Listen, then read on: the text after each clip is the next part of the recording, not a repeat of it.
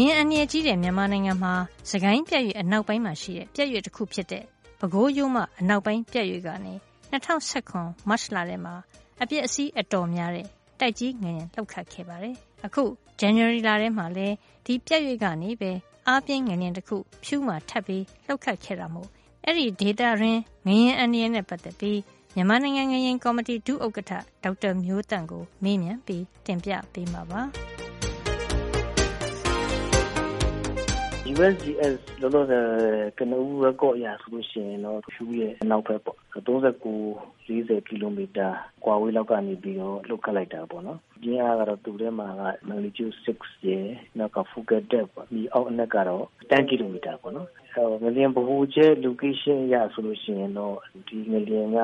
ဆရာနောက်ပကိုးရိုးမှာပြက်ရွရနေပြီးတော့လှုပ်တယ်လို့လောလောဆယ်တော့ကျွန်တော်ယူဆလို့ရတာ ခုငရင်ကျော်ကတိုက်ကြီးနားမှာလှုပ်တဲ့ငရင်ပဲခူးရိုးမအနောက်ဘက်ကကျော်ပေါ့နော်ပြက်ရွေကတော့ဒီပဲခူးရိုးမပြက်ရွေပါပဲတောင်ရောက်ပေါ့နော်နော် west south south east လို့ပြောရမှာထင်ပါတယ်ဆိုတော့အဲ့တော့ကျွန်တော်တွေ့တန်းနေတဲ့ခါကျတော့အခုဖြူရဲ့နောက်ဘက်ကနေပြီးတော့ရန်ကုန်ရဲ့မြောက်ဘက်လောက်ထိသွားတာပေါ့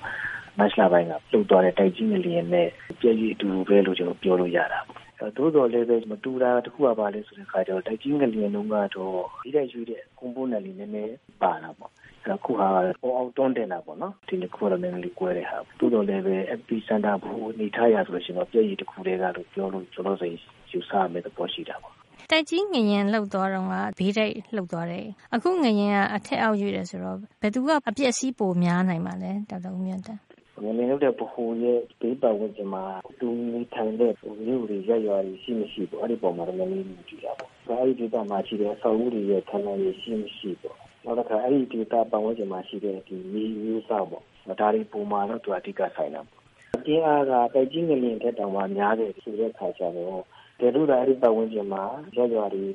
မြို့တွေပတ်ဝန်းကျင်မှာရှိနေမယ်ဆိုတော့အဆောင်ဦးနဲ့အပြည့်အစည်းလေးတွေရှိနေတယ်ပေါ့။ဒီစနစ်တွေလို့ပြောလို့ပါလိမ့်။ဟုတ်ကဲ့။ပြင်းအား6ရှိတဲ့ငရင်လှုပ်ပြီးတော့တိတ်မကြခင်မှာပဲနောက်ဆက်တွဲငရင်3ခုသူကလည်းပြင်းအား9ကျော်တယ်ဆိုတော့နောက်ထပ်ဆက်ပြီးတော့ဒီနောက်ဆက်တွဲငရင်တွေလာဖို့ရှိပါသေးလား ပြင်းအားကလည်းပဲ 60 တယ် နောက်က focal depth ကလည်းပဲတင်တဲ့ခါကျတော့ နောက်ဆက်တဲ့ငလျင်ကတော့ ဆက်လာဖို့ ရှိတယ် တိုက်ကြီးငရင်တုန်းက အပျက်စီးများတယ်ဆိုတော့ အပျက်စီးများတဲ့ အကြောင်းရင်း ပြောပြပေးပါဒီရှားတဲ့ component ပေါ့နော် အပိုင်းကကျွန်တော်၃ပိုင်းရှိတဲ့တာကိုပေါ်အောက်ကလည်းပဲသုံးတင်တာရှိတယ်လို့အောက်ကို ပြုတ်ကြတာရှိတယ်ပြီးတော့ရွေးတာရှိတယ် ဒီပြည့်ကြီးကကျတော့ တကယ်ပုံမှန်ပြည့်ကြီးရဲ့ အမျိုးအစားကကျတော့အပေါ်အောင်တွန်းတင်တာ transport တိုက်ကြီးငလင်းတော့ကတော့ surface ပေါ့ ဘေးတိုက် component လည်း ပါနေတယ် ဒါက အဓိက မဟုတ်တော့မှပဲ အဲ့ဒီ data မှာရှိတဲ့ အဆောက်အဦကြီးကကျွန်တော်ထင်တယ် တချို့စာအုပ်တွေဆိုရင် ကိုလိုနီခေတ်ကစာအုပ်တွေတောင်ပါတယ်။စာအုပ်ရဲ့စက်တန်းတွေကလည်း ကြာမြင့်နေတယ်။ဒါအပြင်ပေါ့ဟိုအဲ့ဒီဒေတာမှာရှိတဲ့ မြေမျိုးစားတွေက နည်းနည်းပြော့တယ်။ soil တွေကလည်း loose ဖြစ်တယ်။မြေမျိုးစားများနဲ့ soil တွေရဲ့ အထူကလည်း နည်းနည်းများတဲ့ခါကျတော့ ငလျင်လိုက်ကို ပိုပြီးဆက်သွားတာ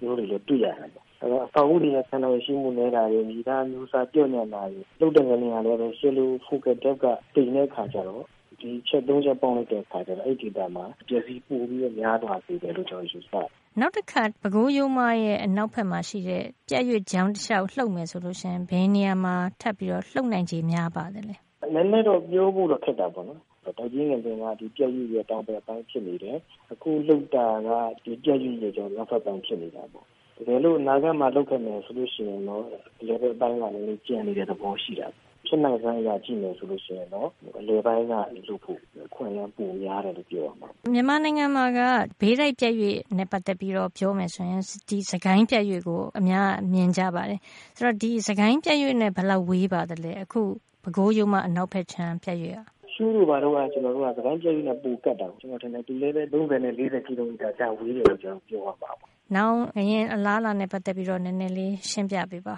။ပြည့်ရိပ်တွေတကယ်တမ်းပြောတဲ့ခါကျတော့ပြင်းအားစတူမယ်ဟိုနောက်က focal depth ကလည်းတူမယ်ဆိုလို့ရှိရင်ဒီငလင်းလုတ်တဲ့ကျွန်တော်ပြည့်ရိပ်အမျိုးအစားကတော့သဘောအောက်တွန်းတင်တဲ့ကြက်ကြီးကတော့ပို့ပြီးတော့အန်ဒီများလေးရှိတယ်။ပြင်းအားပိုများလေးရှိတာပေါ့။စကိုင်းဖော့လို့ကျွန်တော်ပြီးတော့ရှိတဲ့ကြက်ကြီးကိုကျတော့ဒုတိယအန်ဒီအများဆုံးလို့ပြောရတာပေါ့။ဒါပေမဲ့ကျွန်တော်စီမှာတော့နောက်ဖက်ချမ်းတော့ပဲ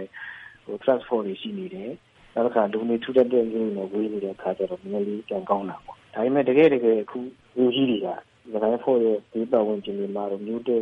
ပုံမှာလို့ရှိနေတဲ့ခါကျပူအန်ဒီများတာအဲ့တော့အဓိကပြောလို့ရှိရင်တော့ဒီရန်ကုန်နဲ့မီးတဝိုက်ဆိုလို့ရှိရင်ဒီသခိုင်းပြည့်ယူကပို့ပြီးတော့တည်ထားမှာမမျိုးကြီးတွေအတွက်ဘာဖြစ်လို့လဲဆိုတော့အားလုံးသိကြတဲ့အတိုင်းပဲနောက်ဆုံးကျွန်တော်လှုပ်ခဲ့တာကစကိုင်းပြည့်ရဲ့တောင်ပိုင်းပိုင်းဖြစ်တဲ့ပကူ segment လို့ခုနကပြောလိုက်တဲ့ Q segment လို့စွာ segment ဒီပိုင်းသုံးပိုင်းပေါ့ Q ရစွာရ ဟာကကျွန်တော်1929 30မှာတော့တောက်လျှောက်လုပ်ခဲ့တူးလေးကလာချပြီးတယ်ဒီကြည့်ရတိုင်းကပေါ့ခုဆိုလို့ရှိရင် interval နဲ့နဲ့ကျွန်တော်ကြည့်နေဆိုရင်နှစ်ပေါင်းဆိုတော့80တော့90ပတ်ချာလည်းရှိနေပြီဒီလိုခါကျတော့ပြင်းအားခုနပြောကြလို့6.5 7ပတ်ချာလည်းလှုပ်နေဆိုရင်လှုပ်ထူရတဲ့ခုနကဒီဒေတာမှာရမ်းရတာဆိုတော့ဒါစကိုင်းပြည့်ရလည်းပဲရန်ကုန်ပကူကြာဖြူတောင်ကိုပိုင်းတွေကတော်တော်တည်ထားမှာပေါ့ဒီဒီတော့ပတ်ချာလည်းတော့တည်ထားမယ်ထဲမှာပါတာပေါ့ဆိုတော့ငင်း လှုပ်ခတ်နိုင်ခြေများတဲ့နေရာတွေပေါ့နော်ဒီစကိုင်းပြည့်ရွတကြောကနေရာတွေမှာဘာတွေလှုပ်တဲ့မှာလဲနည်းနည်းအကြံပေးပါ ငလင်ကတော့အလုပ်တွေခံမှန်းမှုလည်းဖြစ်တယ်ဆိုတဲ့အခါကျတော့ကျွန်တော်ကြိုတင်ပြင်ဆင်တာအကောင်းဆုံးပေါ့အားလုံးသိတာတိုင်းငလင်ကတော့လူကိုတည်စေတာမဟုတ်ဘူးအဓိကတော့အဆောက်အဦတွေကြောင့်မလို့ပေါ့ပြည့်စည်ဆုံးဆုံးများစေတဲ့လူတွေကိုတည်စေတယ်အဲ့တော့အဲ့ဒီဒေတာတွေမှာအနာဂတ်မှာစောက်တဲ့ငလင်ကိုငလင်တော့ခန္ဓာရရှိအောင်စောက်တာရောလက်ရှိရှိနေတဲ့ဆောက်အဦတွေအရင်ငလင်တော့ခန္ဓာရရှိသလားပေါ့ဒါတွေကိုကျွန်တော်ကဆန်းစစ်ဖို့လုပ်တာအဲ့တော့မျိုးတွေကိုစာပေးလေးလိုက်လောက်ထားပြီးတဲ့အခါကျတော့အစိုးရဆောက်အဦတွေစီးရုံကြောင်းတွေ ဒါမျိုးတွေကိုလူတွေကစပြီးတော့ကျွန်တော် assessment လုပ်ကြတယ်မျိုးတွေကိုလိုက်ပြီးတော့အိမ်ကြီးအမျိုးအစားတွေခွဲပြီးတော့ခံနိုင်ရှိမရှိတကယ်လို့မရှိတော့ဘူးဆိုလို့ရှိရင်တော့အဲ့တော့ငင်းခံနိုင်ပြန်လဲမွမ်းမံတာတွေလုပ်တင်တယ်လုံးဝခံနိုင်ရင်ရှိတော့ဘူးဆိုတော့ဖြူဖြတ်ပြီးတော့တက်ပြန်ဆောက်တာတွေလည်းလုပ်တင်တာပေါ့သူတစ်ချက်ခဏ public building တွေဖြစ်တဲ့ဆေးရုံတွေနဲ့ကျောင်းတွေပေါ့နောက်မျိုးတွေပတ်ဝန်းကျင်တွေတစ်လျှောက်မှာရှိတဲ့ပြည်သူလူထုကိုလူပညာပေးရဲ့အစီအစဉ်တွေပေါ့ဟောပြောပွဲလိုဟာမျိုးတွေလုပ်ပေးရမျိုးတွေရှိနေတယ် ဆိုရအနေနဲ့ဒီ region light region light မှာဆိုတဲ့ disaster management plan ကတော့ခုကရငလျင်နဲ့ဆိုင်တဲ့ဒီ NDA ဒီမှာခံွက်မှုတွေဒါတွေကျွန်တော်ဆွဲထားမယ်ဆိုရင်ပို့ပြီးတော့ကောင်းတာဒေါက်တာမျိုးတန့်ရဲ့ပြောကြားချက်နဲ့ပဲဒီသတင်းဖတ်အတွက်သိပ္ပံနဲ့ဤပညာကဏ္ဍကိုဒီမှာပဲရန်နာလိုက်ပါရစေနောက်တစ်ပတ်မှာပြန်ပြီးဆုံကြအောင်